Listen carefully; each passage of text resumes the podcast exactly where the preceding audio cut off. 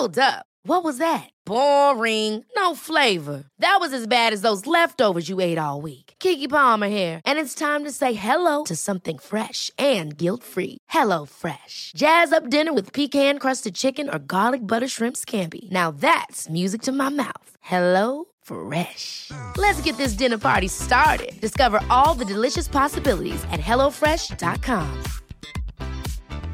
Hey, it's Ryan Reynolds, and I'm here with Keith, co star of my upcoming film, If, only in theaters, May 17th. Do you want to tell people the big news? All right, I'll do. Sign up now and you'll get unlimited for $15 a month and six months of Paramount Plus Essential Plan on us. Mintmobile.com slash switch. Upfront payment of $45 equivalent to $15 per month. Unlimited over 40 gigabytes per month. Face lower speeds. Videos at 480p. Active Mint customers by 531.24 get six months of Paramount Plus Essential Plan. Auto renews after six months. Offer ends May 31st, 2024. Separate Paramount Plus registration required. Terms and conditions apply if rated PG.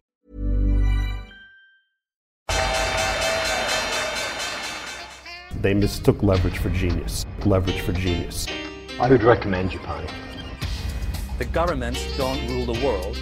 Goldman Sachs rules the world. Velkommen til en ny episode av podkasten 'Tid er penger', en podkast med Peter Warren. Eh, Jeg heter Sverre og er produsent. Ørlite grann bihulebetennelse, så hvis det er litt sånn uh, skurrete stemme, så beklager jeg. Eh, I dag eh, har vi en rekke tema, og kanskje det mest iøynefallende er hvordan du blir verdens rikeste. Tenkte vi skulle starte kanskje med det, så du får svar på det med en gang. Ellers så har det vært en veldig turbulent tid i markedet. Vi skal snakke mye om det, og mange, det er mange, mange ting å snakke om der. Eh, et norsk eh, hedgefond, eh, nok et norsk hedgefond legger ned. Det er frykt for stor boble. Hvordan kvinner fungerer i tradingmiljøet. Eh, hvordan bankene stjeler din tradinggevinst. Uh, litt om det fantastiske fondet Viking Global. EQT cash ut. Skal vi snakke en del om gull, som har blitt utrolig populært i det siste, og så svare på litt spørsmål fra lyttere. før vi starter, så skal jeg presentere vår partner i podkasten, som er IG Markets. IG er en nettmegler for private investorer og tradere, med et spesielt fokus på dem som har eller kanskje litt kortere perspektiv i markedet, altså tradere. Hos IG kan du handle et bredt spekter av markeder. Norske, utenlandske aksjer. Det er like lett å gå long som short. Du kan handle eksotiske råvarer.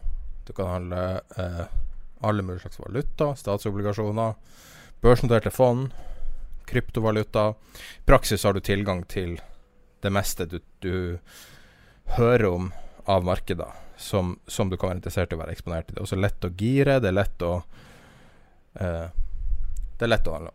Uh, IG er, ble grunnlaget for 40 år siden, har 150 000 kunder, og uh, det norske markedet håndteres fra det hovedkontoret deres i Skandinavia, som er i Stockholm.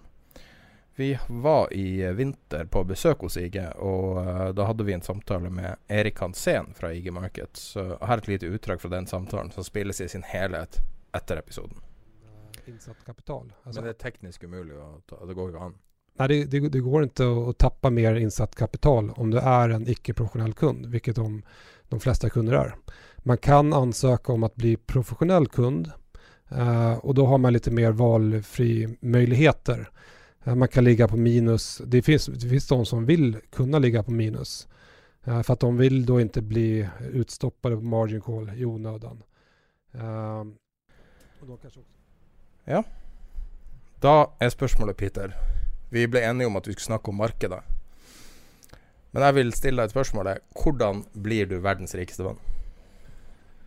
Ja, det, er, hvordan ja, Nå, nå faker jeg det litt, siden vi hadde den samtalen. Ja, men, men, uh, men, hvordan blir du verdens rikeste mann? Uh, det er jo noen som har vært en, det. Stor, I en stor grad så ved, ved, to ting. Flaks og dyktighet. Men det er ingen Jeg tror ingen av de som er blitt verdens rikeste menn, har gjort det ved dyktighet alene. De har, altså Flaks har uh, spilt en stor rolle. Og når vi snakker om flaks, så handler det om hvor og når du ble født. Ja. Og det er jo uh, Det er jo skrevet studier om dette, faktisk. Um, ovary effect, altså um, um, hva skal vi kalle det på norsk? Livmor... Fødselseffekt. Ja, eller livmoreffekten, altså direkte oversagt. Og det er den, den, du ikke har noen som helst uh, kontroll over. Det er nemlig når og hvor du blir født. Ja. Og det betyr veldig mye, og kan, kan som sagt ikke påvirkes av, av, av, deg.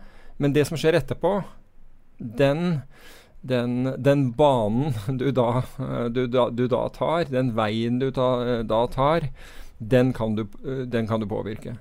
For Vi kan jo ta, eh, bare for å illustrere det her, da. Du har jo hatt en la oss si tre-fire generasjoner som har generert verdens rikeste. Da ser vi bort ifra statsledere og sånn som har da nasjonen sine, vel, sine verdier.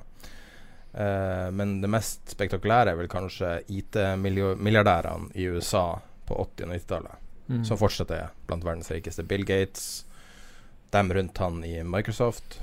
Steve Jobs var jo kanskje ikke verdens rikeste, men han var jo veldig vellykka.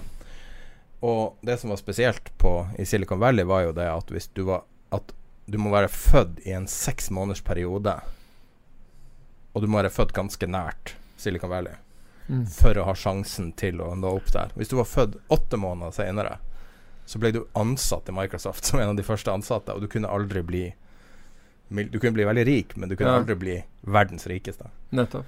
Og du har jo de her karene fra 1800-tallet som starta banker. JP Morganene og mm. og alle dem. Rothschild.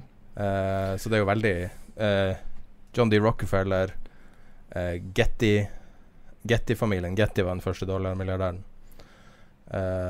så du har jo Du har jo en del interessante. Carnegie. Mm.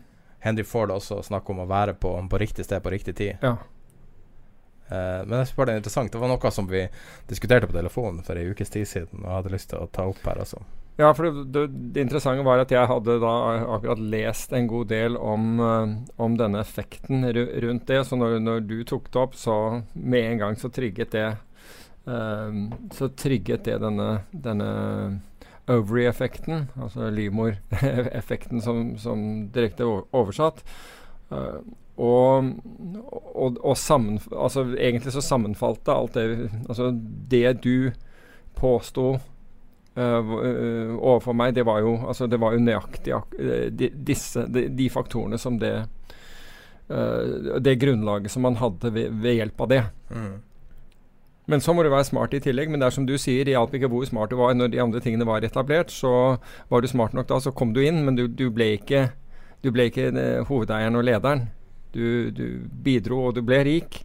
Og definitivt kan du det, men det er på en måte de som har tid og sted i tillegg, som virkelig slår ballen ut av parken. Jeg tenkte at Mark Zuckerberg Det var vel kanskje det femte eller sjette sosiale nettverket som var identisk på rad.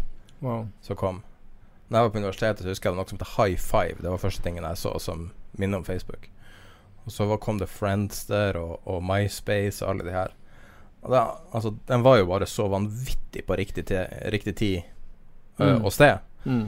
Um, og, og dem som klarte å også, De hadde jo flaks også med Et par år senere med smarttelefon hjalp dem jo veldig mye. Men um, det er bare interessant hvor mye Altså Hvis du spør folk, så vil jo veldig mange si at de hardt arbeid osv. osv. er det som er viktig. Men så tror jeg altså, hardt, Ja, og det er det jo.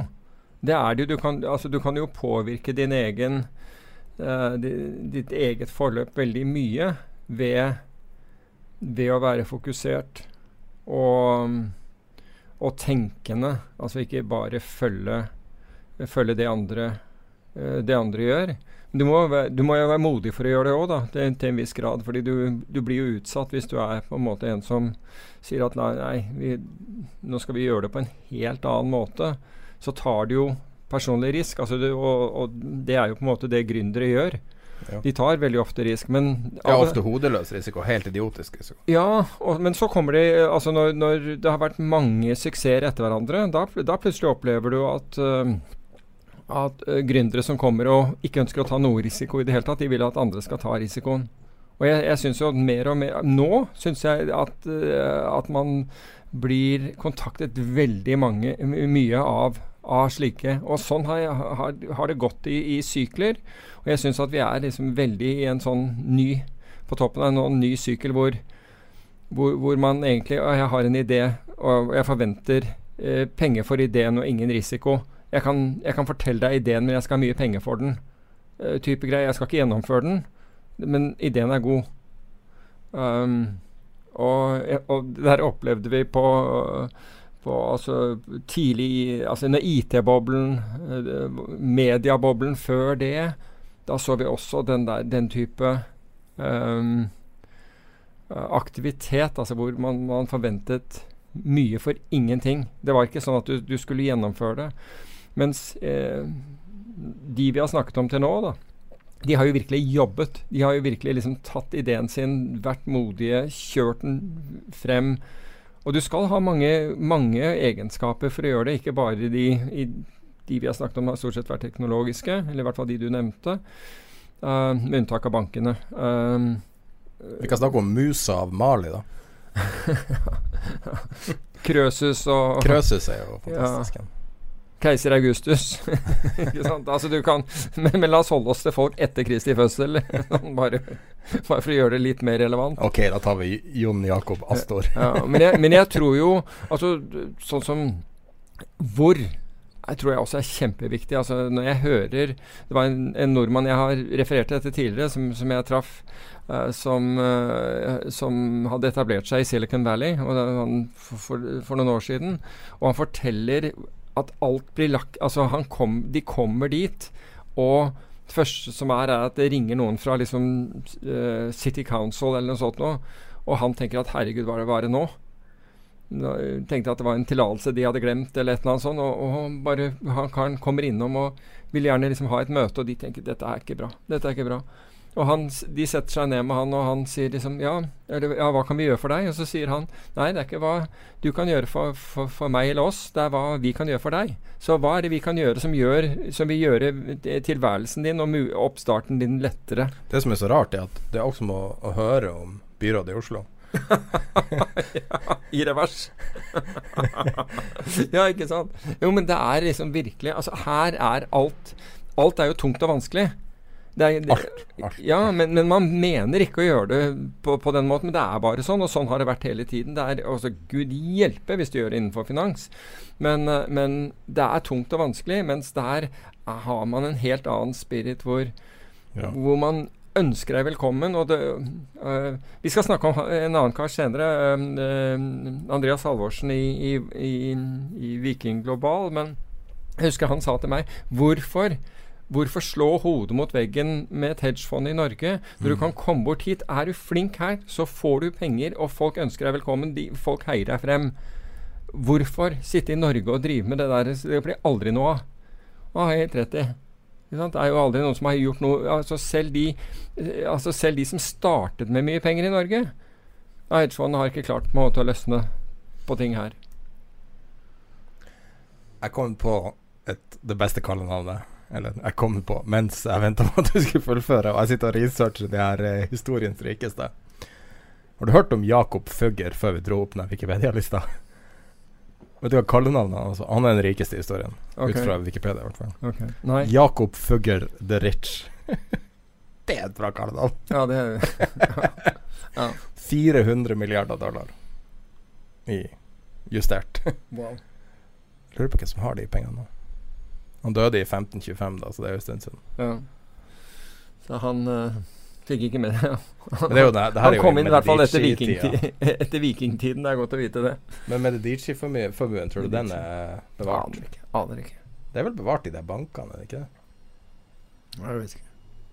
Uansett. Nei, men kanskje vi skal Nå hadde jeg Det var et litt spontant tema, fordi at mm. det er så utrolig Det er så slitsomt å prøve å følge med på finans om dagen, altså.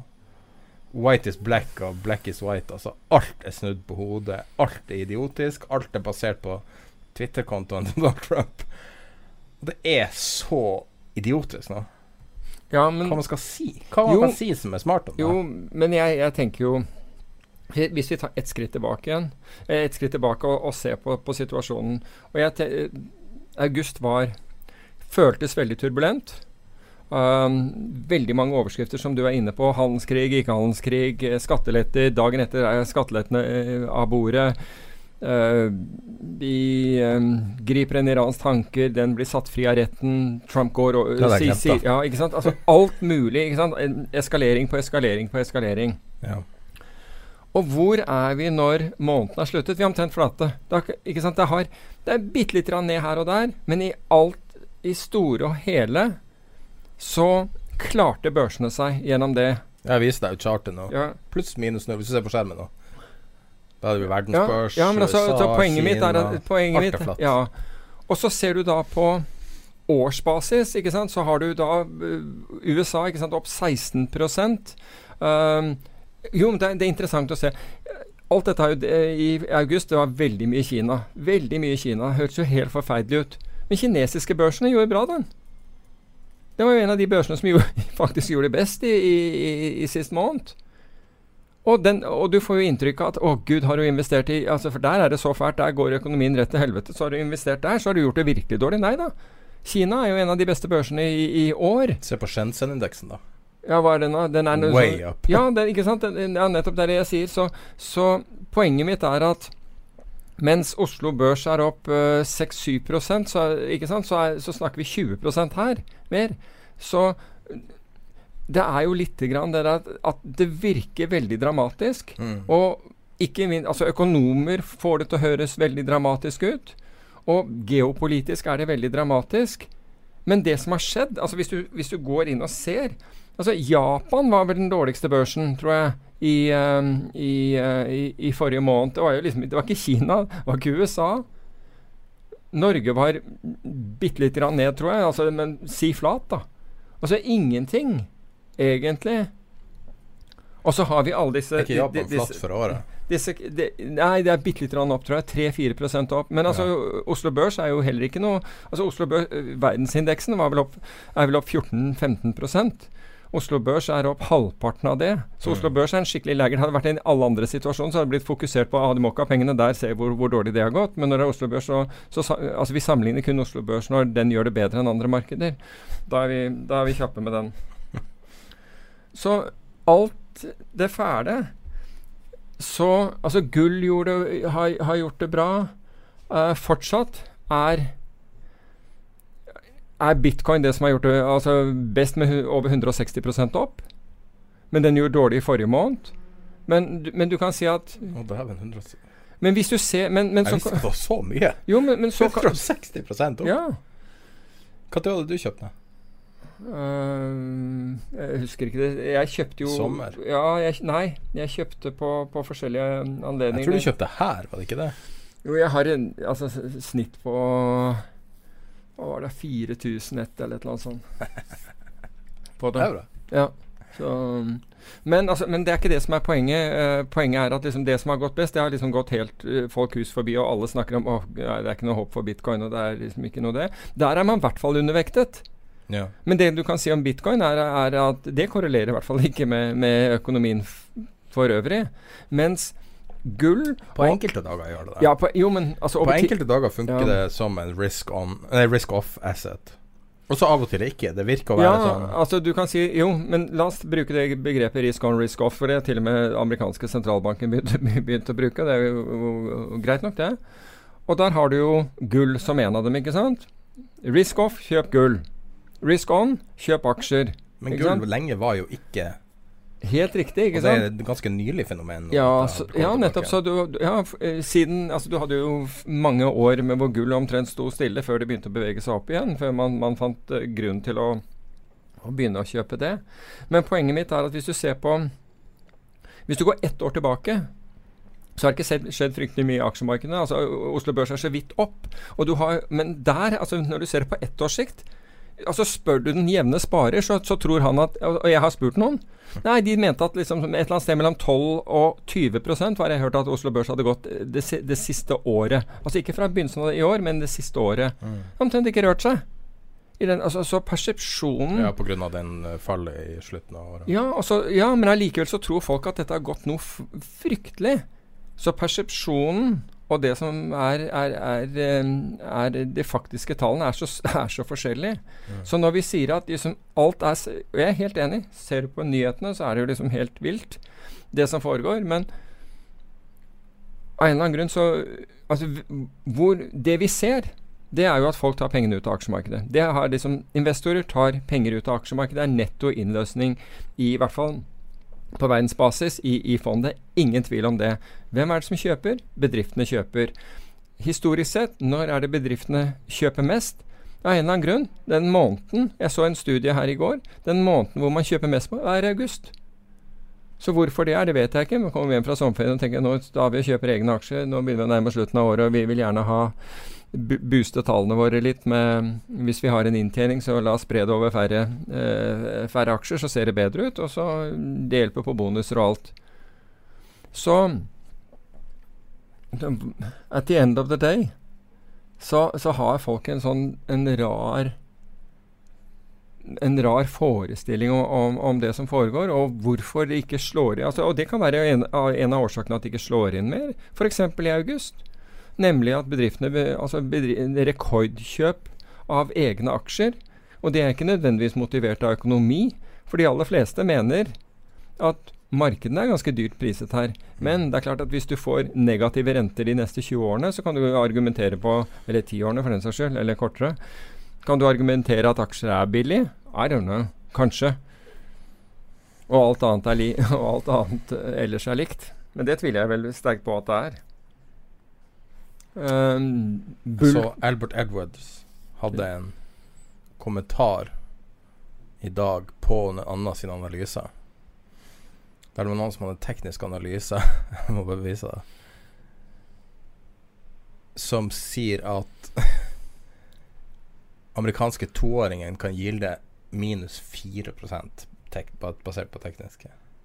Minus 4 Altså ja, altså, men er, er, ikke han lik, lik han uh, Nei, altså da han bare kommenterte en annen sin. Det var ikke ja. hans egne. Det er han der um, Han er ene karen fra um, Real Vision. Du vet uh, dem som produserer sånne finansmedier, ja. ja. som har delt den analysen. Du ser det på skjermen nå. Okay. Uh, og det er bare sånn teknisk. Altså det bare viser liksom Sånn basic teknisk analyse. Ja, altså fremskride Jo, men hør her. Altså, hvis, du, hvis du fremskrider trender Altså hadde du fremskredet Ikke sant? Altså Jo, men la, Hadde du fremskredet tre, trenden til, til uh, høyden på norske menn fra vikingtiden, så skulle altså På det tidspunktet så skulle vi vært tre centimeter høye i dag, eller noe sånt. noe. Altså, ja. Det er sant, det. Altså, hvis du tok ren, uh, ren uh, hva at man var fallende høyde fordi at man fikk ja, ja. mat. Ja, falt, ja, høyden var fallende, så hadde du liksom fortsatt den trenden. Ikke sant? Så hadde vi sikkert Ja, jeg vet ikke om det stemmer, tre centimeter, men vi hadde ikke vært høye, for å si det på den måten. Altså, ja, trender går til de snur. Uh, så jeg er ikke så, så opptatt av uh, uh, Altså, lineær regresjon er, er, er, et, er, et, artig verktøy, men, men sunn fornuft kan brukes innimellom det også. Ja, jeg bare syns det var Altså fordi at nå alt er jo blitt helt Alt er jo blitt helt uh, idiotisk nå. Ja, så, altså, men, tenkte jeg tenkte at folk i det hele tatt trodde at Argentina skulle klare seg. Altså, Hvordan er det mulig, et så dysfunksjonelt, grunnleggende dysfunksjonelt land, der du har presidentskapet går i arv innad i ekteskap? Men hvor mange, hvor mange defaultere har Argentina hatt, da? Er det, er det noe sånt som åtte eller noe sånt? Syv eller åtte? Det har vel hatt to defaulter, denne, altså inkludert denne, bare siden 2000-årsskiftet? Eller tar jeg Jeg mener at det er et veldig høyt tall, men uh... Nei, jeg mener at altså, Så du kan si det er jo ikke noe nytt at, at Argentina Nei, og det er det jeg mener. At det er jo helt sykt at folk er villige til å gamble på, på de her eh, langdaterte og, og, Jo, men jeg, igjen, det tror jeg har med insentivstruktur og mange andre ting å gjøre. Husk på nå så Folk skriker etter yield de, de, prøver å få positiv avkastning. Og etter hvert som da eh, land etter land etter land eh, eh, gjør renten negativ, og til dels ganske langt ut på kurven gjør det Det er niende defaulten. Ok, da var jeg ikke langt unna. Det var ikke langt unna. Jeg tippet åtte, men det er greit. Ja, det er åtte før, før nå. Ja, nettopp. Jeg vet ikke om de teknisk sett er default. Uh, de jo, jo, de er vel litt erklært default. Ja, av et ratingbyrå. Jeg vet ikke når ja. man er default, om det er da med det. Men uh, Er bonden da per def i default når uh, et ratingbyrå sier noe? Ja, for, ja, for det, det, er det som trigger ikke sant? Det, det er visse Da trigger eh, CDS-en og trigger Ja. Da skal du trigge eh, CDS-en. Og jeg regner med denne gangen at man klarer ikke å lure seg unna eh, trygging av CDS sånn som man klarte å lure seg unna i 2008, for, hvor eh, man endret noen begreper og altså, ingen, altså Bankene som hadde utstedt disse CDS-ene, var jo ikke interessert i at dette ble defaulter. Så da klarte man ved, ved, ved noen tilfeller å tolke dette her som altså, eller Var få, den saken med Elliot Partners? blant annet. Hvor man endret Altså hvor man fikk ratingbyråene til å endre eh, ordbruken Mm. bitte lite grann. Slik at man kunne Altså contest at det hadde funnet Altså det er helt utrolig. Det er helt utrolig at det går, og, og at uh, Finanstilsynet i, rundt omkring i verden bare sitter og ser på dette og syns det er greit. Uh, men, men da skjedde jo slike ting. Så jeg tror det er vanskeligere å gjøre nå. Mye, mye vanskeligere å gjøre nå. Men, men det du ser nå, er jo at folk jager etter etter uh, å få avkastning. Og i, i den forbindelse altså, der, Vi har snakket om norske kroner tidligere, og jeg har ikke syntes at det har vært riktig tidspunkt å, å, å gjøre det på. Eh, jeg, tror det er eh, kvart år siden eller noe sånt nå, hvor vi, vi snakket om det der. Du var ganske bullers på norske kroner på det, på det tidspunktet. Nå føler jeg at vi er veldig nære noe. Fordi jeg tror at presset nå, altså søken nå etter å få positiv avkastning, begynner å bli så stor at det skulle ikke forundre meg om noen store begynte å se til Norge. Norges Bank kjøper altså det, Men det er for lite. Altså, Nei, altså alt du trenger, er én artikkel i Bloomberg som sier at folk er interessert i norske obligasjoner. ja, eller, eller sier at en av liksom, de store asset managerne har, har begynt å kjøpe. Ikke sant? Eh, Ta for eksempel For det kan gå fort også, den eh, flippen der. Jeg syns det, det norske kronechartet er så deprimerende å se på at det, Ja, ja. det mm, Men jeg syns ikke at norske kronen fortjener å være her den er nå, i det hele tatt. Bare så jeg, det jeg, jeg skjønner ikke at norske obligasjoner det Går det an å utstede det i dollar på et eller annet vis for å Ja, ja. Altså, det, det er jo mange norske bedrifter som ut... Altså, Ja, altså norsk statsgjeld, går det an å utstede det i andre? Øh, Det vet jeg ikke om de gjør. Det, det, altså Andre land har, har gjort det, men jeg vet ikke om Jeg tenker på for å øke interessen for det, for det er jo så rart at Ja, men det den hjelper. Altså, sikreste men, gjelda men, på jorda ikke er interessant for investorer. ja. Men du kan se at uh, Selv USA er jo, ikke sikker lenger. Nei, men altså, øh, de kan jo alltids trykke flere, da. Men øhm, Ja, men Donald Trump kan jo også alltids ikke betale.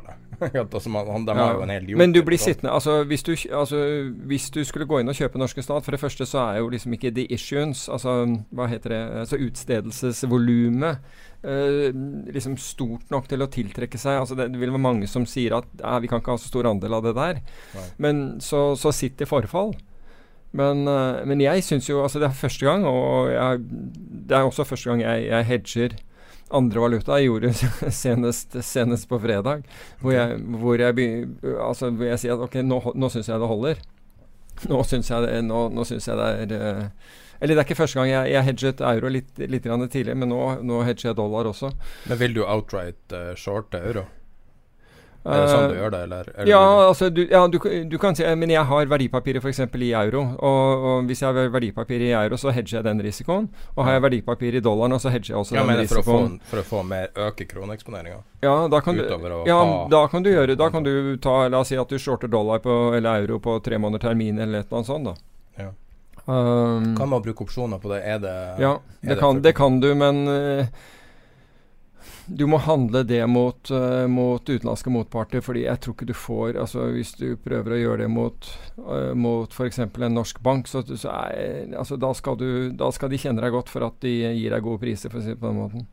Men det er interessant hvis du klarer å naile det her Ja, men jeg vet ikke om jeg klarer det. Topptikken på ti, ti kroner for en øre. Hvis du klarer Nå sier jeg Altså, det er ikke akkurat på ti kroner. Ni, Vi, var over, vi har vært godt over ti. Vi har vært godt over ti. Vi har ti eh, 10,09. null- Ja, nettopp. Så um, 10,0943. Så hvis den ikke går over det, og da går tilbake til 9 et eller annet For det her er jo en valuta som er usedvanlig sensitiv for at folk kommer inn og, og begynner å kjøpe. Det vil jo påvirke betydelig. Helt klart. Eh, Nå, nå vet vi at Norges Bank uh, har begynt å, å kjøpe kroner, men de kjøper kroner for, for 70 euro om dagen. Altså 70 millioner euro om dagen. Det er ikke mye, altså. Nei. Sorry, det er ikke det, altså, i, i, det, det er mulig at det At noen tenker at det er et signal, men det er ikke nok. Altså. Det er ikke i nærheten nok. Men det er altså norske kroner det er, det henger ikke på greip, etter min oppfatning, at den skulle være så svak. Det er det ene. Og du, du, øh, du ga argumenter for det. Ja, på rentedifferansen. Ja, for, ja, for, no, for noen måneder siden. Og, og, det var ingenting feil med argumentene. Jeg bare følte ikke at det var altså sånn, føltes ikke riktig å gjøre det, sånn, så, det, det som skjer. Men nå føler jeg faktisk at, at det at det, det, kan være riktig å gjøre. Men liksom, det, det, er ingen anbefaling, og folk må sant, bare så, så, man vet det. Men nå Altså, jeg tenker at det kan ikke være langt unna at investorer nå sier at vet du hva, nå og nå snakker jeg om internasjonale investorer. Altså Du ser Argentina og disse andre tingene gå belly up, og, og du får problemer. La oss, liksom, la oss sørge for at vi får en positiv Altså, Hva er det som taler mot uh, norske obligasjoner? Jo, det vil være en, en videre svekkelse av, av kronekursen. Mm.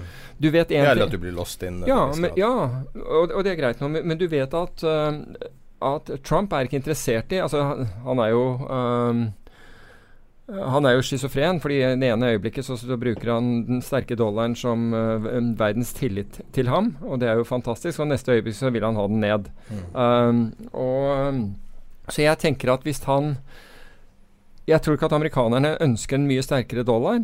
For det går, det går imot Altså, det er vanskelig nok som, uh, som det er. Så hvis han Så, så det begrenser lite grann, tror jeg, uh, dollarens muligheter. Så, og det gjør at uh, Og hvis du ser på euro norske, jo, altså den pleier å være sterkest akkurat rundt årsskiftet. Altså euroen i forhold til norske, kronen svak og euro, euroen sterk. Men vi har sett noen sånne blipper i august i noen år tidligere også. Så jeg syns ikke at det er en gæren greie å gjøre heller. Men får, nå, vi får nå se. Det er jo selvfølgelig ikke outright anbefaling eller noe. Nei, overhodet ikke. Overhodet ikke. Men uh, men altså, hvis du sel, men, selger du, men selger du euro på termin, så får du, da får du tillegg. ikke sant? Da selger du faktisk euroene høyere enn en spotkursen i dag.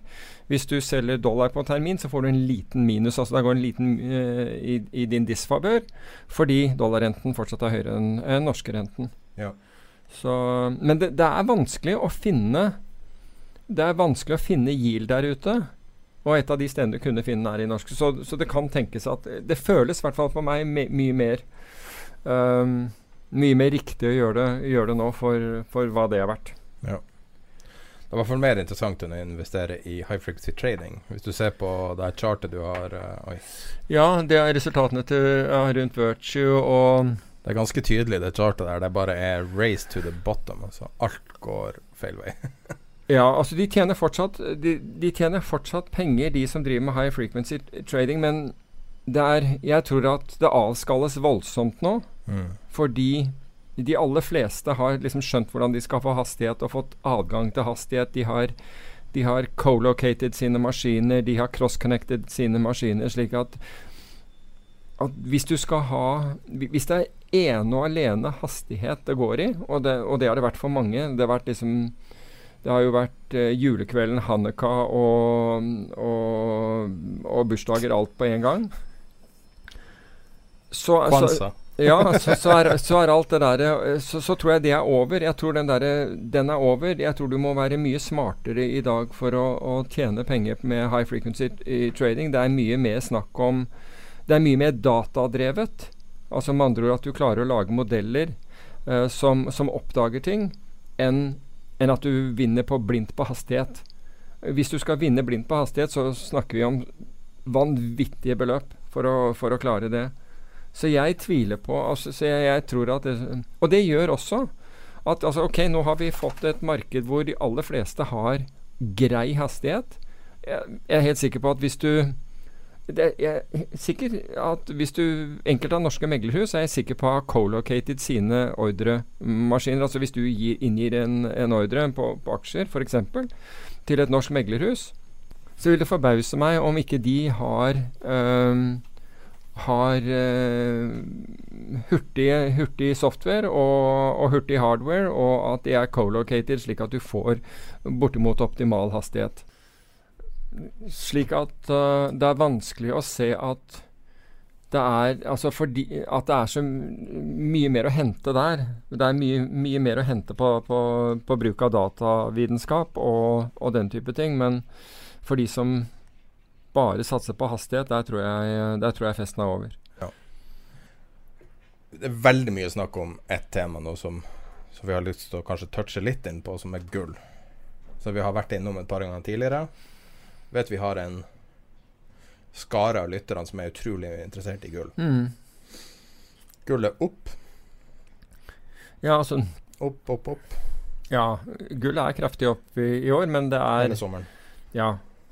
Og um, etter å ha hatt en lang Altså mange år med rett og slett sidelengs bevegelse, så har jo gullprisen nå begynt å gå oppover. Og det har vært en del av, av folkene på, på, på Facebook-gruppen som har vært veldig positiv til gull.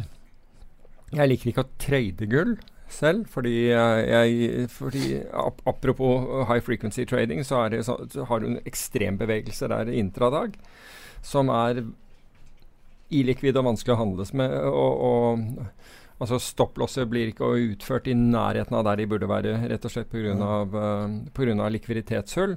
Og, og børsene har ikke gjort noe med det. Eller CME, eh, C, eh, Comex, har ikke villet gjøre noe med den aktiviteten. Og det gjør for, for egen del at jeg sluttet å, å, å trade i gull.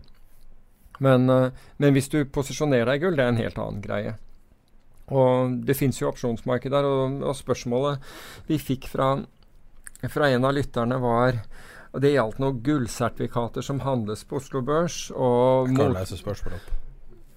Forsøkte å finne motparts kontraktrisiko eh, og giringdynamikk for bull eh, for bull-gullsertifikatene som handles på Oslo Børs. Jeg syns det er vanskelig å finne god informasjon. Kan du ta på det? ja, eh, så, særlig gjøre det på effekten av daglig balansere mot volatilitet.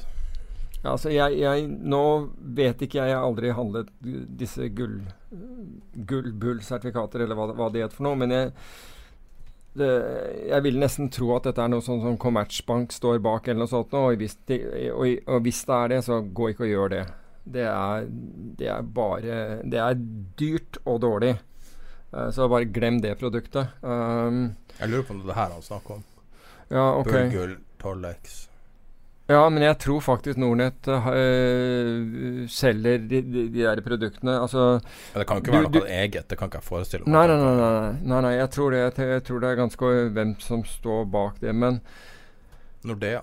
øh, Hva sier du? Nordea står bak dem. Mm, Ja, ok, men, men jeg, tror, jeg tror heller ikke at det er Nord altså Nordea har ikke et apparat for å trade gull. Så de, altså Hvis det er det, så er det, Nord altså det er det Nordnett, Nordea og antakeligvis Commertsbank eller noe sånt. Så det er tre stykker som skal ha penger innimellom der før, Ja. du, eh, før, før, noe, før du får noe som helst. Det høres ikke kjempelurt ut uh, for meg. Jeg ville ikke, altså ville ikke gjort det. Uh, det fins enkle måter å handle gull på. Du kan handle fond som uh, som istedenfor aksjer har eh, kjøper gull. Ren fysisk gull. Så det, det fondet vil da sitte på enten fysisk gull eller termin eller, eller eh, future-kontrakter på, på gull. Jeg tenker at de gjør begge deler. De skal ha det fysiske gullet, men hvis det kommer inn Altså når, hvis, hvis det er store ordre, og, det, og, og de utvider det, altså den, uh, De utvider uh, volumet sitt, så vil jeg tro at de plukker det opp i future-markedet, for det er, det er veldig likvid, og så konverterer de det til fysisk gull når, når det kommer til forfall. Så Ja, du det, snakker om vel GLD primært. ja, det er den eh, største. 38 milliarder dollar. Ja, og, men den handles i dollar, bare så du, man er klar over det. Så da har du dollarrisiko. og Hvis du vil ha dollarrisiko, så er det ikke noe problem med det. Men uh, det har du egentlig i, i alle disse sertifikatene, mer eller mindre. Fordi gull prises i dollar. Så selv om det sertifikatet du kjøper er i norske kroner, så er har du valutarisiko, fordi det, valutakursen kommer til å spille en rolle Mm. Uh, i det, bare så man vet det. Og du har, du har opsjonsmarked på apropos den GLD-en. og du, Det er mange måter å gjøre det på. Du kan kjøpe futures, du kan kjøpe CFD-er hvis du skal trade og alt, alt mulig uh, sånn. Så det er Ja, IG er jo en veldig lett måte å handle gull på. ja, så du kan gjøre det, men det kommer an på hva du skal med det gullet. Hvis du skal trade, eller om du har tenkt å sitte med det over tid. Altså hvis du, hvis du sier at dette er eh, et alternativ, jeg vil ha det som en del av min finansportefølje, som, jeg, som er ganske passiv, da vil du antageligvis ikke ha giring i utgangspunktet. Altså Hvis du er ganske passiv investor, du prøver å få en grei avkastning så du har aksjefond og den type ting, så da, da kan man jo bare kjøpe dette børsnoterte fondet GLD. Mm. Og så får du ikke marginkrav eller noe sånt, for, det er ikke, det er ikke belånt. Men tror du ikke mange er ute etter ei ganske sånn hyperavkastning som Jo, men da, da, sitter, du, jo, men da sitter du og trader det. Da, må du, da, da driver du kortsiktig trading i det, og da, det er noe annet enn å investere i gull, føler jeg. Men, og da må, altså det, det høyere giring, det, det mer nøyaktig må, må timingen din være. Fordi du, For eksempel hvis du har det 12X-sertifikatet som eh, Jeg bare googla ordet gull, bull og fikk opp en Så hvis du 12 har ganger? 12X, da, da Altså gire 12X gull, da må du time det riktig altså, for å ikke bli stoppa rett ut. ja, da må du time det riktig for ikke bli stoppa rett ut. Det- Ikke sant? Så, og det, det er jo greit nok det hvis du er, hvis du er en som eh, Hvis du har veldig følelse for gull, og hvordan det virker, så Jeg har sett noen gjøre det, for all del. Um, men eh, Men eh, jeg er ikke en av dem. Hva Eh, er bakdelen med å handle sertifikater? Nei, det er kostnader. Med motpartsrisiko også? Ja, du har motpartsrisiko. Det har da handler du kun med den samme motparten. Du kan ikke selge det på Ja, nei, du får, du får ikke solgt det noen andre steder. Nei. Det gjør du ikke. Så du, du handler med den samme motparten. GLD er jo et veldig velfungerende produkt Ja. som nesten har blitt sånn det er tail wagging the dog, for det er så stort. Ja. Så jeg, skulle, jeg skjønner ikke helt hvorfor folk velger en annen løsning når du har det. Nei, ikke, altså, ikke hvis du skal ha det som en sånn ren investering. Å sitte på og, og kjøpe gull fysisk, det ville jeg bare glemt, for det, det er kostbart. Um, det, for det første betaler du uh, med en overpris for det. Hvis du skulle gå til noen i Norge og kjøpe en, en gullbare, så får, så får du ikke det til den prisen som, som gull handler Altså spotprisen av gull. Men det er jo så I- pent. Ja da. Ja, ja. ja. Det er utrolig vakkert. Ja, du kan kjøpe sånne gullingots og Men det er jo virkelig det. det jo virkelig helt ble jo handlet handlet på børs før, det gjør det kanskje fortsatt, som er disse uh, sørafrikanske gullmyntene. Mm. Det var jo omsatt, så det kan du godt gjøre. Og jeg har selv tatt fysisk levering av gull, men da tok jeg fysisk levering slik at det sto på Sto i en uh, i, uh, i bank, Bank of Americas hvelv eh, på Manhattan i New York. Ja. Sto på en palle der. Der Die Hard 2 eh, Nei, Die Hard 3 der de bryter inn. Ja, det vet jeg ikke, men heldigvis jeg gjorde ikke det da.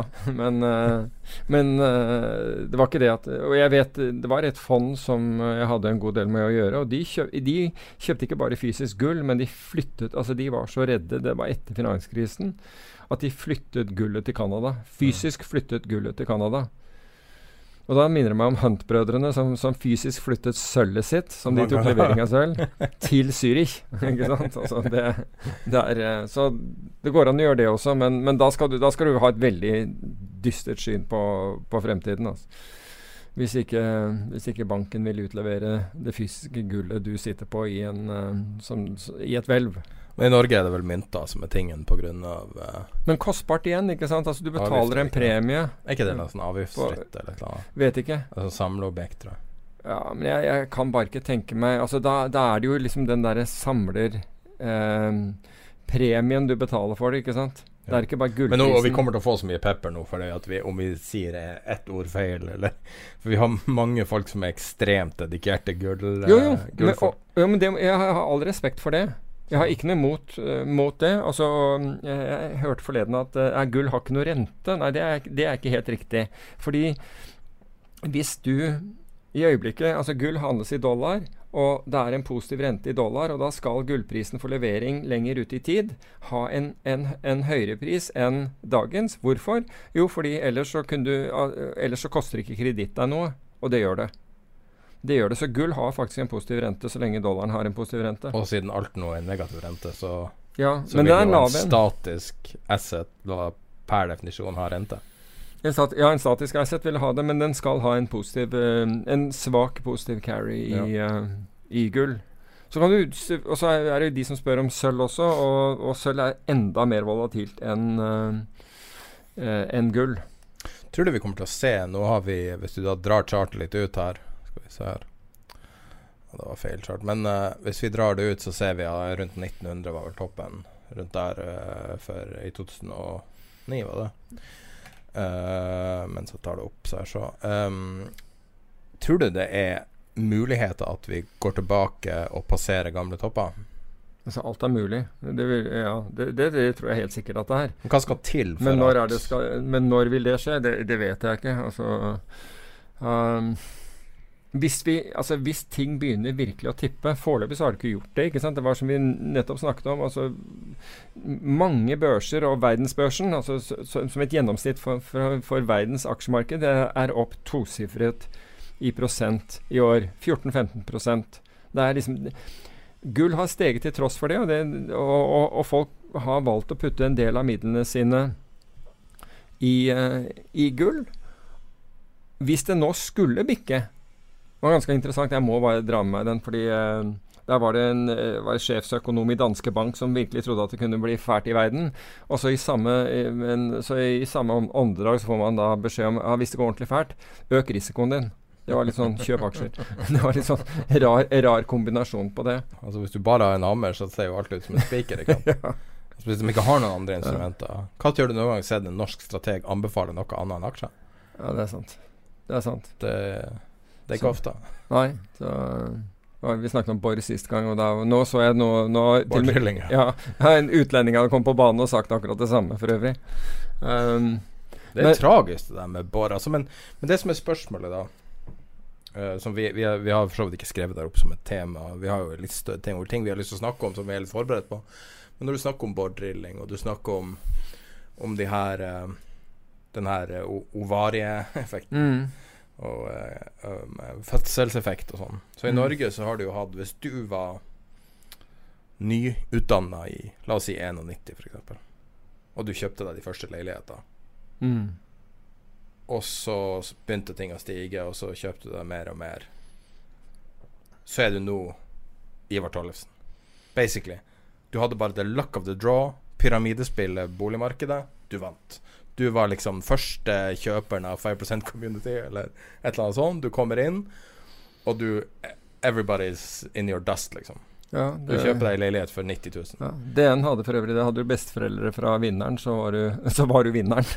Ja, Uten det. Da var du Ja, ja. Og, og sitte og uh, og selge eneboliger er 20 millioner. At du casher ut så til de grader for, for helt ordinære liv. Mm.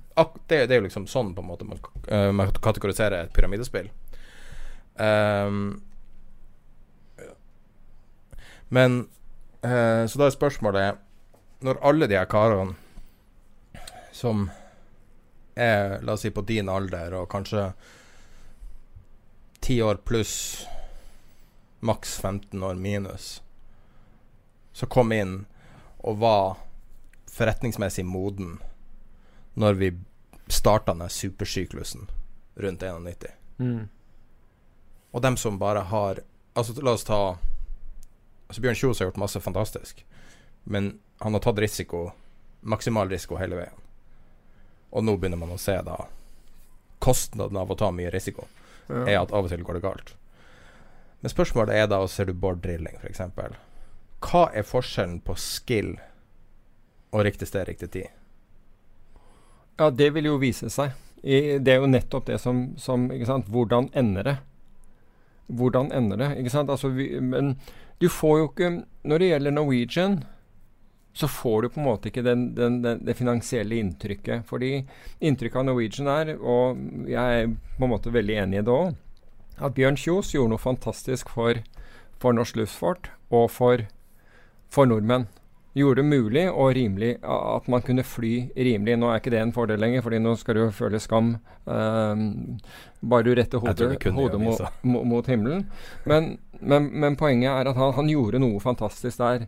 Mens de som satt, altså Økonomisk sett så var det jo de som var inne helt til, til å begynne med, som, altså som fikk med seg Bank Norwegian og den biten der, som har tjent penger. De som kom inn etterpå, de har tapt penger alle sammen. Mm. Så så økonomisk så har ikke liksom Jeg går ut fra at han kommer, kommer greit ut av det. Mm. Men aksjonærene Jo, men altså, han er sikkert rikere enn da han startet. Han er rikere enn meg, og rikere ja, kanskje enn deg. Ja, helt sikkert. Og, og, og, og men han er ikke milliardær lenger. Nei, det er mulig. Det er mulig. Men, men han er rikere enn da, da, han startet. Mens de fleste aksjonærene, i hvert fall de som ikke kom inn helt til å begynne med, de er ikke det. De er ikke det. De er, de er det motsatte.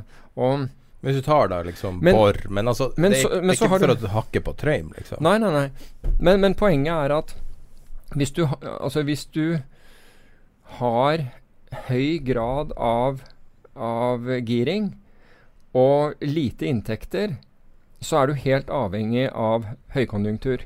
At ting går bra.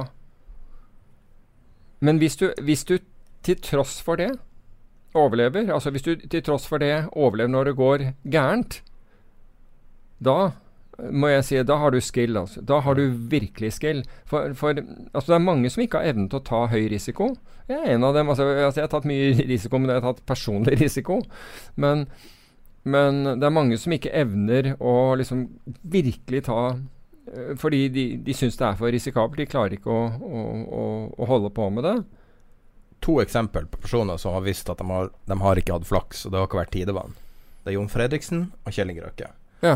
Begge to har tatt maksimal risiko. Og begge Men- to har vært veldig, veldig, veldig nære på at liksom dette ikke gikk bra. Ja, og når Jon Fredriksen ligger og, og gjemmer seg på en sofa på Grünerløkka mens politiet er på jakt etter han på Mm. 80-tallet, eller hva det var ja, altså, Det her er en person som, som vet å på en måte le, leke med ilden. Ja. Men han har også sittet på andre sida av en obligasjonseier som skviser han. Men Mm. han har lært av det. Det er det Ja, som er det. Og han har jo lært at han er jo nå det liksom lender of last resort for ja. veldig mange. Men, men Kjell Inge Røkke det samme. ikke sant? Han hatt masse motgang i den, i den perioden, men vært som for så vidt Fredriksen også, ikke sant? flink til å plukke mennesker, altså samarbeidspartnere. Mm. Um, likt av, av de han gjør business med, Ja. og så- som også betyr veldig mye. At folk står ved deg. Um, så Ja, i hvert fall bank, bankfolkene dine. Ja, ja, ikke minst. Og Kjell Grøkke Røkke har jo hatt veldig gode Ja, men han har hatt rådgivere også, og, og, og forbindelser innen finans. Og det har gjort at liksom han har kommet seg gjennom, og du ser hvor, hvor det er i dag. Men hvis du bare tar blind risiko altså får, ikke sant, så Det er jo akkurat det. Altså, det er jo de som på en måte blir, altså forblir rike. De andre blir Altså, når du komprimerer tiden, blir på en måte døgnfluer. Ja, altså, men, men hvis vi går tilbake til, til, til Trøim, da. Han har jo tatt risiko tidligere. Først med Storbrann sine penger, for han, han jobbet der. Så med Torstein Hagen sine penger. Så med Jon Fredriksens penger. Og nå er det liksom første gang han flyr solo.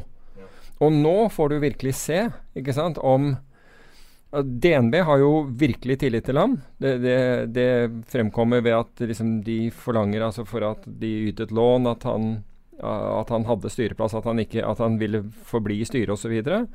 Så, nå får vi se. Nå blir, det nå, han, nå blir liksom syretesten for, for dette her. Og så får vi da så nå, så nå må man liksom få håpe at liksom verden ikke går under. Fordi Ja, for hans del så er den For- helt avhengig av at ting går bra nå. Ja, jeg vil jo tro Han har jo nå gått tilbake på den strategien om å kjøpe rigger. Ja, men det, det tror jeg har med resultatet som kom i forrige uke, at det var vesentlig dårligere enn Ja, så det er vanskelig å finansiere det opp, sikkert. enn en forventet. Så, men det var litt sånn Jeg må jo si det var merkelig når, det, når eh, han fikk en tosifret prosentuell oppgang, eh, Boy Drilling, den siste dagen den, den siste dagen i måneden. Um, Ja, det- det var litt, litt sånn eiendommelig, men, men du kan si at denne aksjen nå er jo en av de mest volatile aksjene. Jeg vet ikke om noe som går så mye som 90% altså har 90% volatilitet på, på Oslo Børs, men det er vanvittig eh, volatilitet. Men hva er volumet på den, da? Ja, jeg tror nok at det er ganske greit volum. Jeg, har ikke sett- jeg, tror ikke det er dårlig volum på den. Men jeg vet ikke hva det var på, på, på, på fredag. Men det var jo litt av en oppgang eh, aksjen fikk da.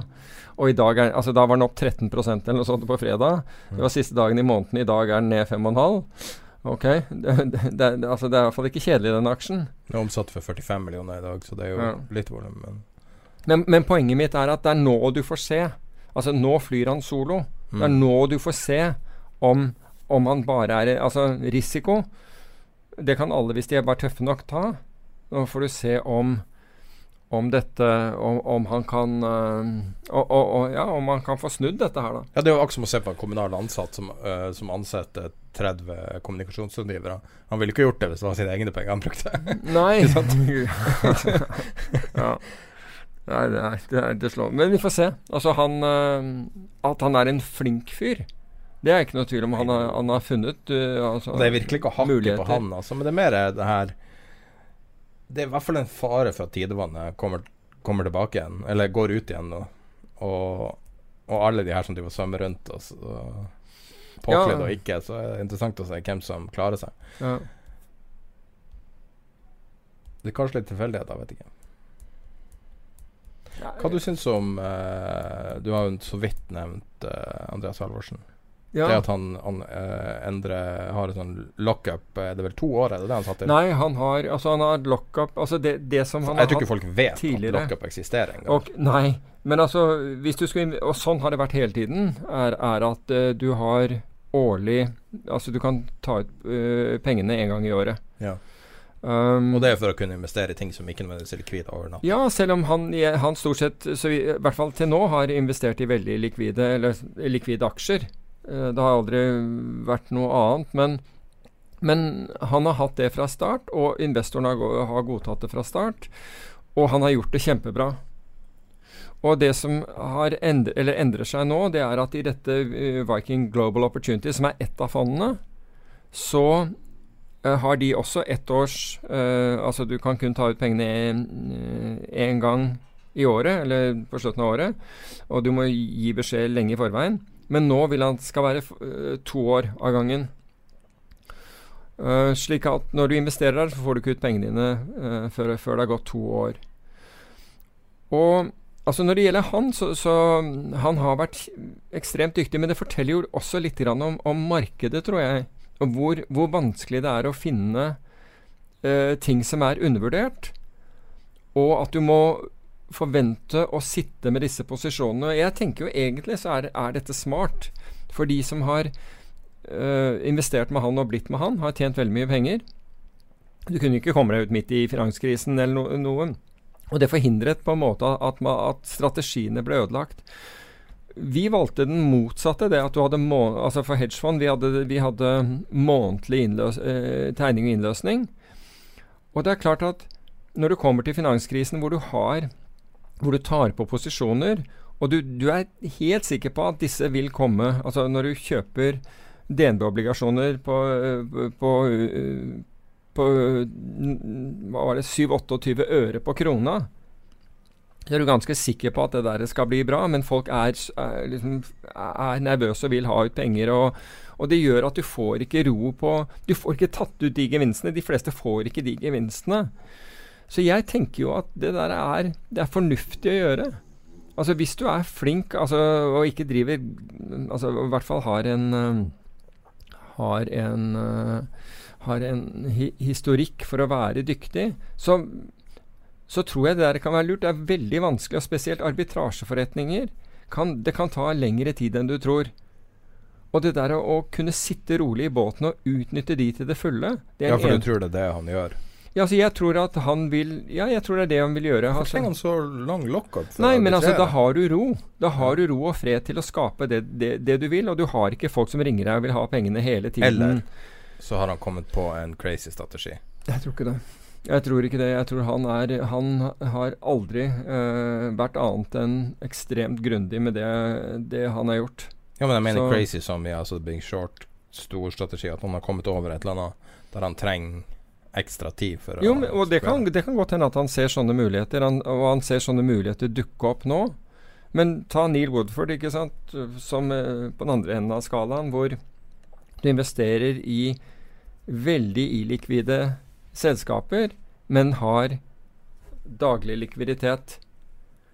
Da da er det en mismatch. ikke sant? Ikke bare, det er en likviditetsmismatch i, i investeringene dine, og så er det en mismatch mellom hva investorene tror at de får, og hva du, hva du gir. I og med at investorene tror de kan ta ut pengene på dagen. Så her, her Ja, eller du må sitte med så mye cash at det blir ineffektivt. I så fall. Litt Ja. sånn som obligasjonsfond sitter med hundrevis av millioner i cash for å kunne innfri. Ja, ikke sant? Altså Du må begynne å flytte, flytte mer og mer pengene i cash i tilfelle noen kommer og skal, skal innløse. Det er jo ikke en gun, gunstig situasjon å være i. Så jeg tror jo at det der er Jeg tror det er smart. Apropos det, jeg kom til å tenke på en ting som var foreslått for ikke så lenge siden. Husker ikke hvem som foreslo det. At man, hvis du ser på volumet på en børs, hvis du ser på nysevolumet f.eks., så ser du at 90 eller noe i den duren av volumet er de første fem minuttene og de siste fem minuttene. Så spørsmålet er trenger du egentlig handel hele dagen? Kan man kjøre fire auksjoner? Jeg likte litt den ideen. Ja, du, du går jo bort fra Ja. Det var totalt flip the script. Ja. Kan være, fordi altså største volumene er jo, er jo i, i, matchingen ikke sant? På, på, slutten av dagen. Du kan jo lure på om det andre er bare er støy. Til tider er det vel det, men vi vil jo ha den illusjonen av likviditet. Ja. Å, oh, herregud. Jeg, jeg, delte en dokumentar uh, Så du den dokumentaren jeg delte på Facebook-gruppa? Nei, jeg delte vel i, i den Discord-chatten. Hva handlet det om? Eh, 1987. Ja, ja. Den så jeg. Og det var de karene i Tasty mm. Trade i um, den opsjonsmeglerhuset. Uh, som har laga sin egen. Så det er egentlig basically en sånn ja, Alle dem som jobber i Taste Trade, som da jobber i Chicago. Ja, men det var jo ikke bare de. Det var Blair Hall var der. Det var jo liksom ja. massevis av, av, tradere som var veldig kjente på det tidspunktet, som bidro i den uh, i, uh, i uh, hva kaller du den, I den videoen. Hva det het han som var kjøperen? Han som stoppa 1987-krasjet? Det er ganske sykt at du kan pinpointe hvem det var som stoppa det. Ja, Det har jeg ikke hørt at noe Altså, jeg hørte altså, Da så du ikke hele? Jo, jo jeg gjorde det, men jeg ja, så Det var en kar som kom inn og kjøpte 100 kontrakter på den der um, indeksen, den futures-indeksen som, ja. som, repliserte uh, Dow Jones. Og han kjøpte 100 kontrakter når altså, altså folk vurderte å stenge Altså, var, da stengte vel Merck Nei, vet du hva. Altså, jeg, jeg vet at ved et tilfelle Uh, men det er mulig at jeg, jeg Men nå, at jeg altså, bare altså, tar det fra ikke mandagen. Dagen okay. etter fallet. Ok. okay. Så var store spørsmålet var Folk dro Altså sto i kø for å komme seg inn, og så når, når tradinga åpna, så sto alle bare og krangla med hverandre. Ingen klarte å bli enige om pris. Ingen, det var ingen kjøpere. Uh, det var vanskelig. Det ble stilt sånn uh, spesiell likviditet fra Fed for at at marketmakerne skulle kunne stille priser i det hele tatt, at det var fysisk mulig å handle. Fordi at uh, det var ingen som var villig til å låne hverandre penger, ingen som var villig til å stille kreditt, ingenting. Og så kommer én kar inn, og så sier han at hvis det her blir en matching holdt ut dagen, så vil jeg være long i det det skjer. Fordi at det her er bunnen, liksom. Så han kjøpte 100 kontrakter, uh, som var altså relativt sett småpenger, da. Og det var bunn. Og da, ja, okay. og da fikk du bare liksom uh, uh, Mer eller mindre um, Altså, da var det um, Hva det heter uh, Hva det heter Hva heter det futuresmarkedet der du Limit up. Å oh, ja. ja. Men du, du, du, hadde ikke noe limit moves? Nei, nei, men det var, men det var så stor bevegelse. det var en limit up-type bevegelse. Men jeg vet at Men det mener jeg var dagen før. Fordi da var det var tirsdagen jeg snakket da var det en av Da var det en av uh, meglerhusene som trengte å bli kvitt noe sånt som 100 kontrakter. Fordi det var jo ingen som Altså, de gikk jo bare i enere og toere, ikke sant, og, og så videre. Og var og, og ba om pris for 100, og fikk ikke liksom pris for 100. Ja, og spreaden var så stor. Ja, og så, ja, men så spør han en av gutta Altså, gi meg en pris Jeg trenger en pris for 100. Jeg må ha en pris for 100. Og han Jeg tror han går ti figurer ned eller noe sånt nå. Altså hvis markedet er 25 bid, så, så sier han I'll take them at 15. Og får dem. Og han klarte Og, og han tjente skitmye penger på, på, på det der. Og han, han turte ikke å flippe det der og da, fordi Nei. Markedet så jo liksom 100 gjort ikke sant, på, på, dette her, og, og, og, han var iskald, og han klarte, og han tjente veldig mye på det. Men det, der var det en Altså, du kunne ikke komme ut. Altså, likviditeten var ikke der. Men det er så, interessant i forhold til det vi har snakka om tidligere, som er at hva skjer neste gang? Ja, da får du Når altså, du får ei krise. Hva skjer når det ikke er noen kjøpere? Ja, da, det, det, så du, det så du i mai, var det 10. mai 20, 2010? Da så du jo det, ikke sant, når uh, Dow Jones-indeksen falt eller 9,2 på, på noen minutter. Da var det jo akkurat det du så, for da var det jo ikke folk der.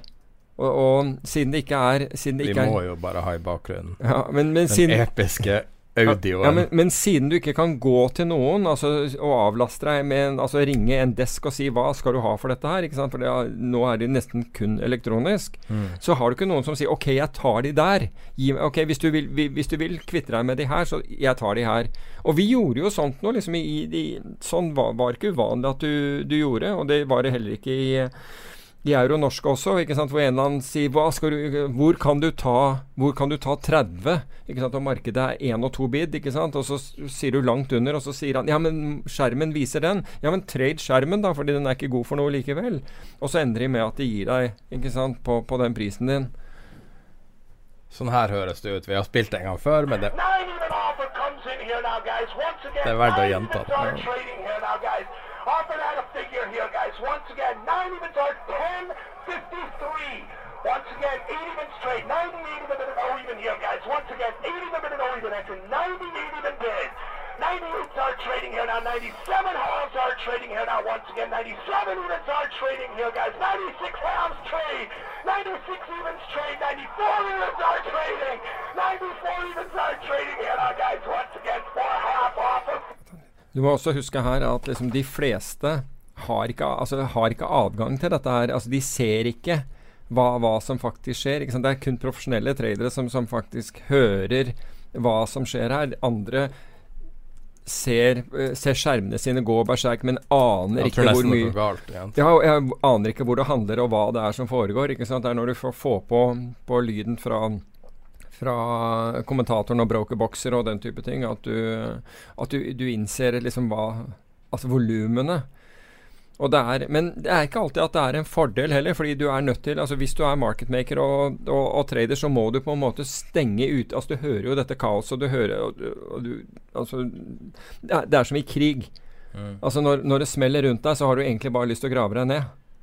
Men så er du nødt til å løpe likevel. Du er nødt til å, å Men, men det som er at uh, slagmarka har forandra seg, det var det som var poenget med å bringe opp Mm. den gamle dokumentaren, Mm. var i 1987 så var det faktisk en market maker. Det var masse independent, små karer rundt omkring. Det var 500 stykker. Det var Ja. 500 stykker i, i Chicago alene ikke sant, som sto i pitten. Det var en, verdens største pit. var Og der de 500-pitten. skjønte signifikansen av øyeblikket. De på en måte litt sånn her gamle krigere som marsjerte inn i mitraljøsene Ja. og, og visste at det var the right thing to do. Kanskje ikke den smarteste ting Ja, å gjøre. På en måte var det litt samme, mens nå har du droner og sånn som driver og, Men, og bomber jo, men også der så, så altså, hadde du kunder, ikke sant, så stilte du opp for kundene fordi du hadde en relasjon til dem. Ja. Så når de ringte, så, så stilte du en pris. Mens i dag så er det jo bare Altså, da skjøtter jo bare Det som er poenget. Nå Ja, er vi på droner som bomber skoler. Liksom. Ja, nå, nå skjøtter jo bare ma maskinene ned nå.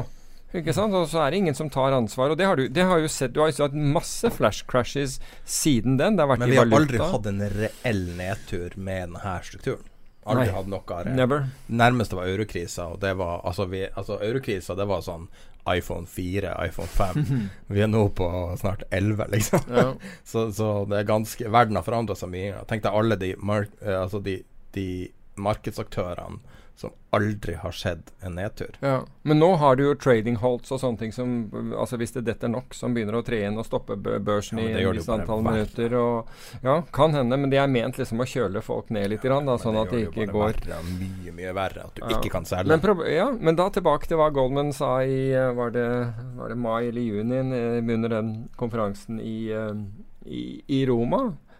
Det de var mest bekymret for, det var at det fantes ikke folk i markedet nå som Altså folk var, eh, som hånd, hadde håndtert risiko, som hadde sett som virkelig hadde sett be store bevegelser. Ja. Så du har et marked der ute som er helt Altså hvor, hvor har ingen erfaring med å håndtere eh, Å håndtere ordre i en sånn situasjon. Apropos det, jeg kan ta et spørsmål fra en lytter eh, som har eh, den 30. august la inn på Facebook, Jan Erik. Ehm, han snakker om ehm, spørsmålene som han Michael Burry, som da ble kjent for å calle uh, The Big Short. Um, han er skeptisk til passiv investering og mener at det skaper ei boble. Uh, man, kan jo, man kan jo strekke det i mange retninger. Om, altså Mitt øyeblikkelige uh, måte fallback var jo at At man har sånn indeksifisering av verden. Mm. Sånn at ting Noe blir kronisk overprisa Mm. og blir dratt med av tidevannet. Og da har du sånn en på en måte misprising av GE i lang tid. Vil Ja. jeg si en, en viss grad en effekt av det. Eh, hva du syns om, eh, om det har å si? Jo, altså jeg tror at det, det er helt riktig, men istedenfor å tenke på det som en boble Og det kan godt hende at det er, det er bare en annen måte å se det på, så ser jeg det som en mulighet. Altså, du har, du har fått systematisk uh, assets, altså aktiva klasser, kall, kall det Og det kan være typer av aksjer som er overprist i forhold til andre. Det som er utfordringen med det, det er jo selvfølgelig når endrer dette, altså når, når, lukkes dette gapet i overprising mellom enkelte typer aksjer og andre, og, og andre aksjer som er underpriset. Og det er det som er hvordan konstruere trøyder som du og, og, den Jeg mener at i den artikkelen så var det så var det vist til ETF-er for disse forskjellige tingene. Så du kan shorte den ene ETF-en og, og gå long den ene og shorte den andre, f.eks. Eh, men bare mens vi er inne på det, og det, det, det ble ikke dekket av akkurat den artikkelen her, men nå skal jo det siste for uh, oljefondet er jo, altså Statens pensjonsfond fond utland, er at man skal eh, ned i europeiske aksjer opp i amerikanske, ikke sant? Det ble annonsert her i forrige uke, eller var det uken før. Altså Man skal øke vekten av amerikanske aksjer i forhold til europeiske. Amerikanske aksjer er i 70 års high i forhold til europeiske. Når du sier det, kan jeg stille deg et spørsmål? Mm. Stemmer det at det danske pensjonsfondet opp 30 i år? 32, ja, jeg så det der. 32. Jeg, jeg, jeg, trodde at jeg leste noe feil når jeg så det. Nei, jeg har også, jeg har også sett det der, den, den. Hvordan i alle dager kan et ja, 300 milliarder dollar-fond, eller hva det er, være opp 32 når, når ikke, Som en pennystock? Ja, når, når, en aksje Altså når ingen av aksjemarkedene er opp 32 Altså, jeg vet ikke Jeg, jeg fikk ikke sett Jeg prøvde å lete etter å, å finne den en eller annen logisk forklaring på det. For jeg det er sånn altså, om negative renter, men hvordan i alle dager får du det til å bli Jo, men det er klart at hvis, jo, hvis, du, hvis, du, har sittet på store posisjoner av obligasjoner, og i hvert fall hvis, de, hvis, du har, hvis, du har, risikobalansert de, sånn som f.eks. Uh, uh, Ray Dalio foreslår, ikke sant? altså risikojustert dem, slik at du har, du har hatt en overvekt av, av, den type obligasjoner, så har jo de steget voldsomt i verdi i og med at, uh, at renten har gått fra positiv til negativ. Eh, jeg så at det samme pensjonsfondet samtidig sa at man skulle ikke forvente at de ville klare noe sånt noe, noe videre, og gjorde nesten en sånn negativ profit warning at sånn vil ikke fremtiden se ut. Men hvis de sitter på sånt i dag, da må du jo bare få dratt ned den risikoen. Kjøp gull. Ja, da må du virkelig få dratt ned den risikoen. For 32 ja, det er jo ti års avkastning. det er ti års avkastning, ikke sant. Og det er uh, eneste jeg vet uh, som har slått den i, i år, er, uh, Bill Ackman med, med, med, med, fondet sitt. Han ja, er jo han noen er ikke 300 milliarder dollar. Nei, han er ikke, nei, det er han ikke. Han er ikke i nærheten av 300 milliarder dollar, men han er jo opp nesten 50% i år. og det så ja, hvem vet hva som har skjedd der. Men hvis vi går Det var ikke meninga å avspore, men det var noe Men tilbake til den med, med Michael Barry. Ja. Så, så, vil det være hvordan posisjonere deg for den og Altså, no, vi, har, vi er, har rekordgap mellom en, en, rekke Altså, det vi burde gjøre, er jo på en måte be folk lese den artikkelen. Uh, så hvis man går inn på Facebook-gruppen 'Tid er penger', så vil man finne den, den Uh, denne artikkelen om Michael Berry, og da kan man se der det er bl.a. Russell 2000 i forhold til eh, SMP 500, og det er microcaps, og det, og, og det oppgis ETF-er man kan handle i, osv. Men poenget er at ja, det er på rekordlav, uh, eller rekordhvitt gap, men det betyr jo ikke at det snur i morgen. Nei. Så igjen så går det på hvordan posisjonere seg her. Hvor man, altså, man kan ikke gjøre det sånn at man har ubegrenset risiko, for det, fordi et hvitt gap kan bli enda videre før det liksom klapper sammen. Vil det gjøre det på et eller annet tidspunkt, så må man tenke på hva, er altså, hva, kan, hva kan triggeren være til at dette, dette endrer seg? Vil det f.eks. være at, at, at uh, aksjemarkedene ruller over? Altså det, det, for meg så ser det ut som de aller fleste aksjemarkedene distribuerer etter en lang, lang oppgang. Altså Selv det amerikanske, som er veldig nær sin all time high, men Oslo Børs er gått ned fra sin all time high. Og, og at de distribuerer sidelengs, får man se altså når, når, en oppgang er ferdig i aksjemarkedet, så snur ikke det. Altså Bunner blir satt på veldig kort tid. Topper tar det mye lengre tid å, å, å utvikle. Så man må prøve å se på ok, hva, hva er det denne spredden og det er notorisk vanskelig å calle en topp også. Absolutt. Kanskje absolutt, vanskeligere enn en bunn. Absolutt. Så det jeg ville, ville, gjort på det, er å se på disse forskjellige Uh, se på disse forskjellige grafene og så tenke meg ok, Forrige gang det snudde, når det snudde den andre veien, hva, det, hva, hva er det følsomt overfor? Hva var det som gjorde at, eh, at dette gapet begynte å, å vise seg ut? Og så se etter motsatte effekter f.eks. på det. Og så er det posisjoneringen som Jeg ville gjort det på en annen måte relativt med å, å forsøke å bruke opsjoner, slik at jeg ikke blir uh, Slik at jeg ikke får søvnløse netter av det, rett og slett. Men det, det er min måte å, å, å, gjøre ting på. Men jeg syns det er interessant, fordi du har mange slike forhold i dag hvor, uh, hvor uh, ting har gått helt fra hverandre, og så har vi istedenfor at noen stiller, stiller spørsmål om hvorfor er det sånn, og kanskje dette er en mulighet, så, så sier nå har alle snudd seg og sagt at ja, men det kommer bare til å fortsette. Recency bias. voldsomt med recency bias. Jeg sitter og har dårlig samvittighet i forhold til hvordan tittel jeg kommer til å gi podkasten. ja. Hvordan bli verdens rikeste. Hvordan bli verdens rikeste. Kommer til å lure inn masse med den. Unnskyld. Men, men, men, det kommer at EQTs driver og casher ut nå, skal børsnotere noe. En halv milliard dollar, eller hva det var. Ja. Det er jo folk som Det er jo uh, private equity, det. Uh, ja, og det er jo private equity på ganske øverste hylle, egentlig. Ja, ja, visst er det det.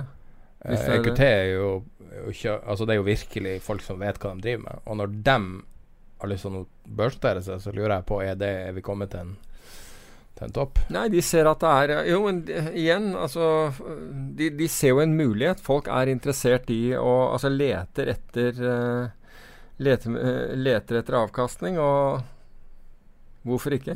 Hvorfor, altså, når er det du skal selge? Du skal jo ikke selge når ting er på bånn. Du må jo selge når, er, eh, når, du mener at, er, eh, at, du, at, du, får godt betalt for det. Og jeg kan ikke noe annet enn å tro at de nå mener at de får godt betalt for bedriften sin. Altså, hva, hva var det det uh, Var det Plato det het før? Når de prøvde å børsnotere seg, da var vi på toppen. Husker oh, ja. De prøvde å børsnotere seg utallige ganger oh, ja. før de uh, Jeg vet ikke om de merga med et annet selskap, og til slutt ble børsnotert. Men uh, det at uh, Det var jo ei sånn kjensgjerning at på en måte, de går ut på toppen. Smarte mm. penger. Ja.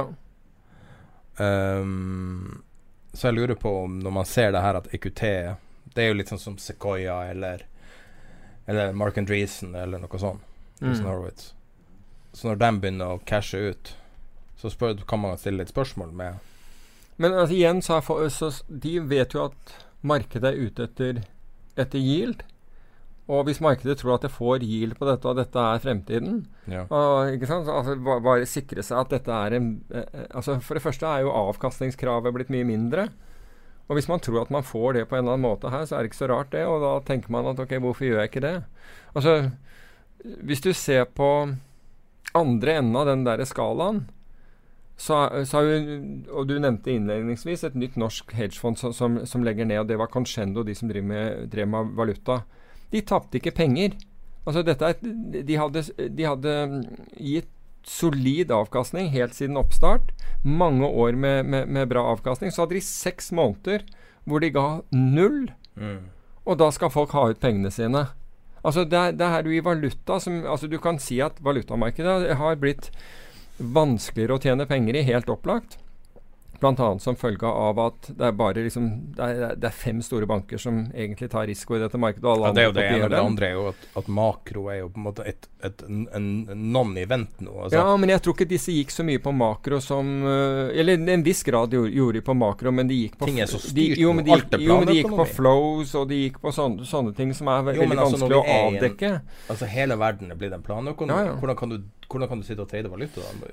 Det er jo mye mye vanskeligere enn det var før. Ja, altså er, eller Jeg vil jo også hevde at det er vanskelig, men jeg, jeg tenker på mer tekniske årsaker. Men, men, det du nevner, er også en av, av årsakene. Men jeg tenker uh, igjen at hvis investorene som har vært som, som har tjent vanvittig gode penger på dette fondet år ut og år inn, og det er ikke korrelert med aksjer. Det, har vært non, altså slik at du har virkelig hatt en ålreit diversifisering. Og så sier du etter ok, seks måneder null, jeg ser hva aksjemarkedet har gjort i mellomtiden. Som for øvrig ikke er fryktelig mye, da, siden vi, som vi akkurat snakket om det. Og hvis du ser aksjemarkedet det siste året, så har det omtrent gitt null. Ja. Det her er det fantastiske. Men der skal, du liksom, der skal du bare putte inn mer og mer penger. Mens man tar det ut fra, fra dette her. Og det, er klart Og som de også sa, for jeg så, leste, eh, leste artikkelen i, i DN, så, så sier de at, at, det er blitt så dyrt. Altså, eh, altså Finanstilsynet og kostnadene altså De blir pålagt de regulatoriske kostnadene. At du må ha en milliard for, å, for i det hele tatt å kunne, kunne drive, drive et fond. Ja, og da blir det liksom. og da, Ja, og bare for å dekke liksom kostnadene dine, og da, blir det, da ble det uinteressant. Men, så jeg syns jo det er veldig synd fordi én, de hadde uh, god jo, god av, øh, avkastning. To, altså det var ikke snakk om at man tapte pengene til folk og, og ga, ga et inntrykk at man, man var mye smartere enn man var. Ikke i det hele tatt. Og så Der syns jeg det er synd at øh, Slike syns jeg det er synd at blir, bli borte, fordi de, det kunne vært et reelt eh, diversifiseringsalternativ. Vi har to tema til, men uh, jeg vil heller bytte det ut med et annet. Og jeg vil ha din take på hva som skjer med brexit nå. Ja, min take, altså det, Du trenger ikke ha min take på det. det siste i dag var bare at ja, siste i dag var at, uh, at forsikringsindustrien, som, som har vært en Altså som har uh, hatt hovedsete i London, uh, er, er på vei ut. Altså det, nei, altså de, hele forsikringsindustrien har eh, altså 61 milliarder pund uh, og, ikke sant, begynner å, å, å, forsvinne ut av landet. Altså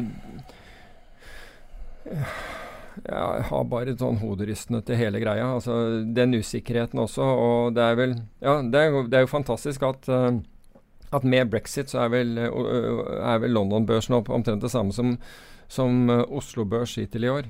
Mens uh, pundet har selvfølgelig svekket seg. Altså, jeg, jeg vet ikke. Det er vel bare egentlig snakk om å Altså, jeg er jo øh, lojal til, eh, til landet mitt, jeg. Men jeg, dette her eh, ser bare ut som eh, det man i militæret kalte en goat fuck. Kan jeg si det forresten på lufta? Kanskje ikke. Vi er ikke regulert på noen vis. Så Nei, men det hørtes kanskje Forklag oss inntil PFU. Ja, kanskje vel, vel vulgært ut, men det var Ja. Ja. Men det er jo det det er. Er Syns du det er et statskupp, det som skjer nå, med å avvikle parlamentet? Å suspendere nærmest parlamentet? Ja. Det føles jo nesten ut som martial law. Det føles som å brenne Riksdagen. Ja, altså for det føles jo Ja, altså hva heter martial Altså det føles jo uh, som unntakstilstand.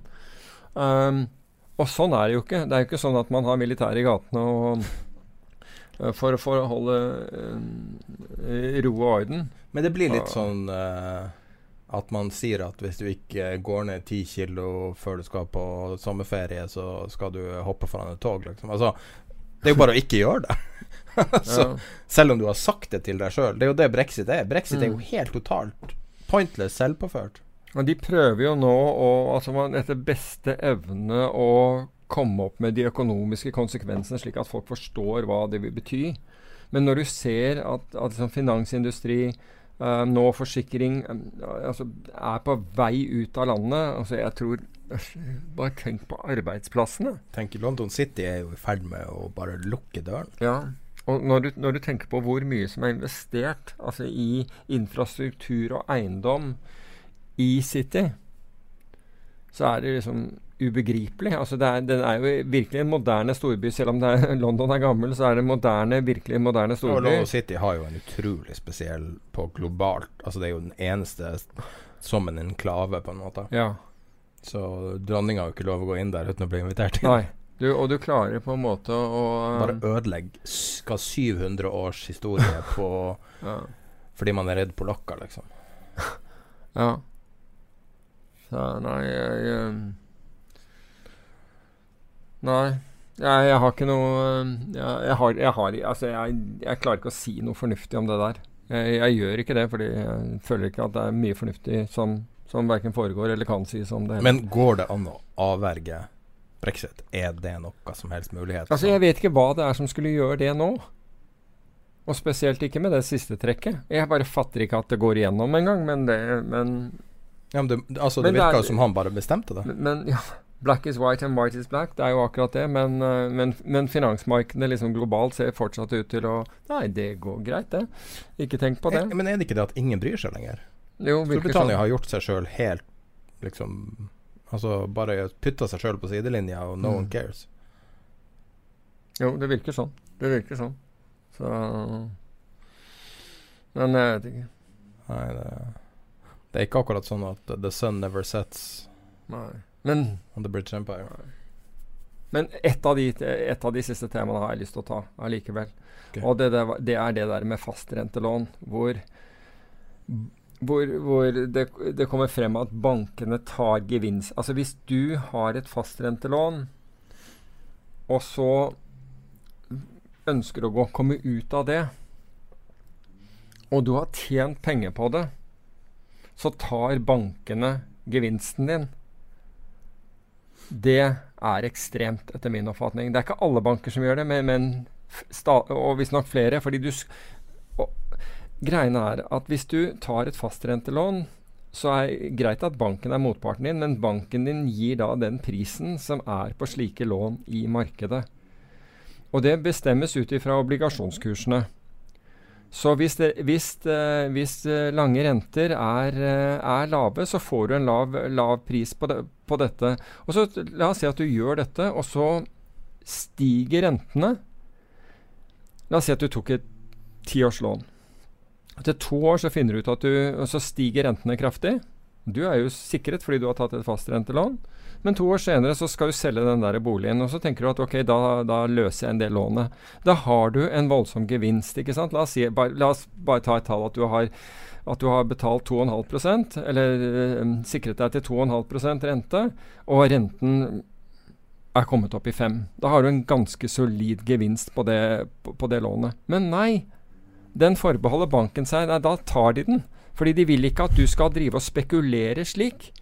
Mens hvis det var det motsatte, at du hadde sikret deg på 5 Gjett hva som skjer da? Jo, da må du betale mellomlegget når du skal ut av det. Så også på salg? Ja. Så at ikke Altså, Apropos Forbrukerrådet, vi vet at dere hører på dette her. Vær så snill, da. Kom på banen på denne her, for det der er så urimelig. Og så sier de at bankene skulle ikke ta tap på det. Det er banken som velger selv om de skal sikre seg, eller om Hvordan kan det være et tap når, de, når du innfrir lånet? Jo, fordi vi, vi, Hør her. Hvis, hvis jeg kan låne til 2,5 øh, Jeg har sikret meg til å låne til 2,5 og, og rentene er på 5 Ja. ikke sant? Så har jeg nå en fordel. Fordi nå, jeg låner for 2,5% mens rentemarkedet er på 5 ja, det forstår jeg jo, men um, når, du innfrir det, så er det jo ferdig. Ja, men hør her. Ja, men når du innfrir det, det lånet, altså, så, må, så er det jo så, er, så må du jo Siden du har Da er det jo prisen Prisen i øyeblikket på den er Altså, du har jo sikret deg til 2,5, ikke sant? Ja. Så nå har du en gevinst på, den, på, på den som du skal få utbetalt. fordi markedet er jo 5% og du kan jo bare regne på Hvis du skulle betalt la oss si 2,5 på 20 millioner kroner, da, i, i, det er det du har rett til å, å, å, å betale de neste la oss si fem årene. okay. Og renten er nå f- Å ja, 5 får utbet- isteden. Altså I teorien får du utbetalt da de resterende sju årene. Ja, eller hva, hva det er som er igjen. Riktig. Og det er, jo, altså det er jo sånn det er i Som rentemarkedet. det. Det er akkurat som om du hadde kjøpt obligasjonen, ikke sant? Ja. Hvis du har kjøpt en obligasjon som betalte, eh, betalte eh, 2,5 og markedet var gått til 5, ikke sant? Så, har du en, så vil, det, vil det være en gevinst på det. Men det vil ikke bankene at du skal tjene penger på. Men, men du skal tape du, hvis det har gått den andre veien. Men det er jo utrolig vanlig å selge et hus i løpet av ti år. Ja, nettopp. Nettopp. Men du kan altså men, eh, Flere av dem sa at ja, du kunne overføre det til et annet hus. Det var greit at du beholdt lånet da. Men gevinsten, nei, det skulle du ikke få. Så, og da kan du tenke deg altså, Under finanskrisen, hva var det som var problemet da?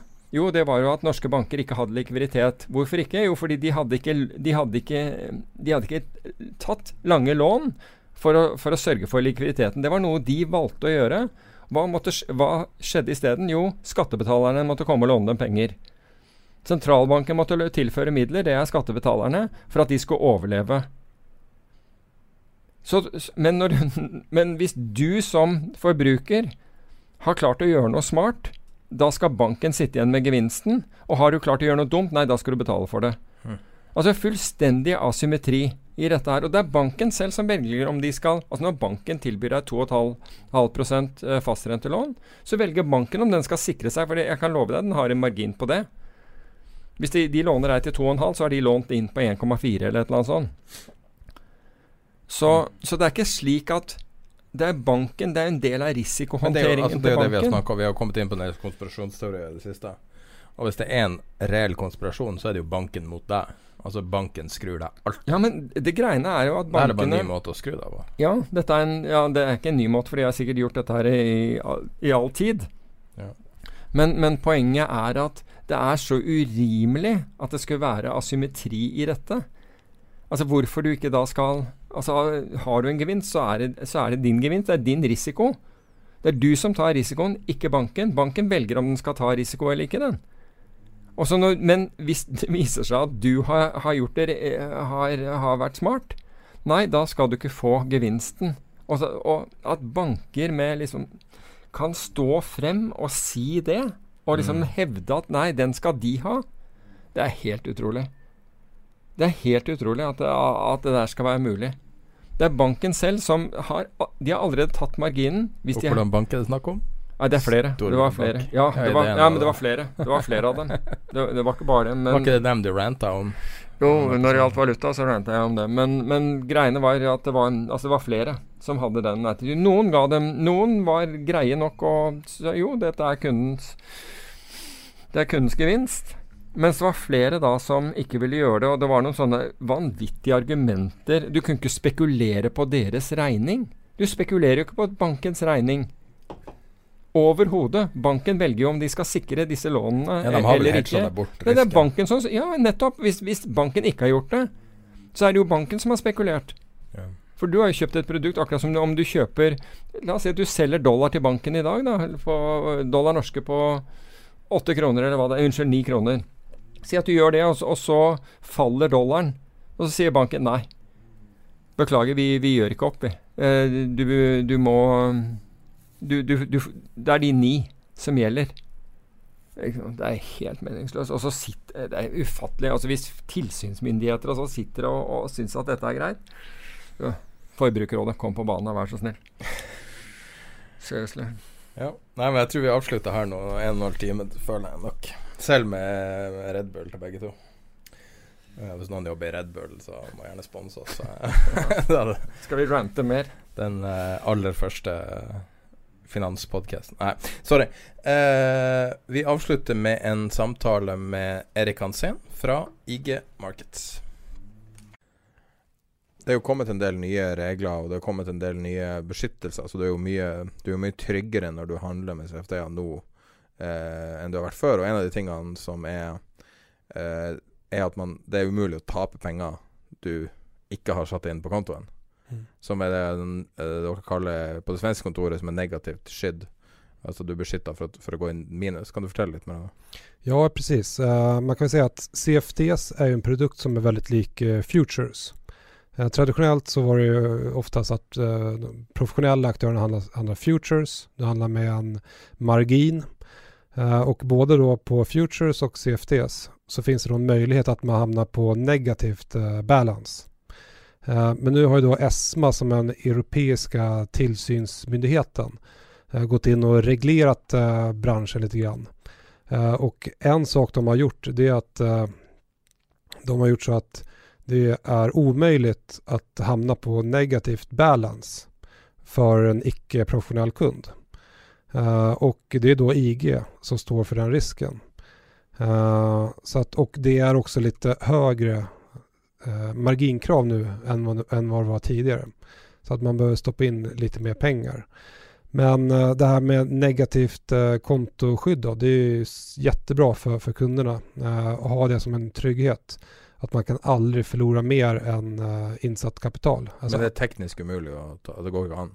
nej, det, det, det går inte att, att tappa mer insatt kapital om du är en icke-professionell kund, vilket de, de flesta kunder är. Man kan ansöka om att bli professionell kund eh, och då har man lite mer valfri möjligheter.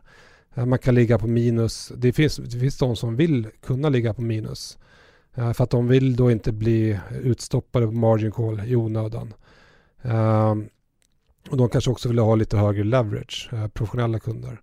Men for en ikke-professionell kund som er da majoriteten eh, er det veldig trygt å just ha det här negativt eh, balance-skyddet eh, og veta at de aldri kommer tappa mer enn innsatt kapital.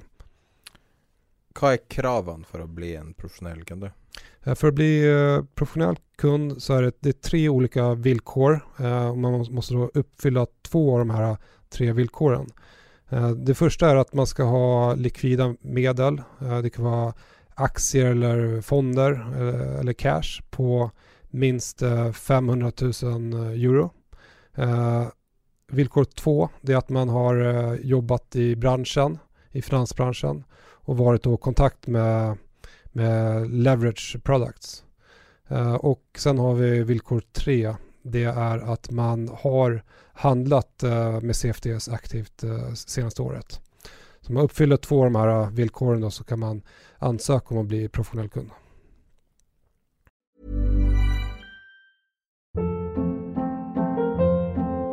Hold up. What was that? Boring. No flavor. That was as bad as those leftovers you ate all week. Kiki Palmer here, and it's time to say hello to something fresh and guilt-free. Hello Fresh. Jazz up dinner with pecan-crusted chicken or garlic butter shrimp scampi. Now that's music to my mouth. Hello Fresh. Let's get this dinner party started. Discover all the delicious possibilities at hellofresh.com.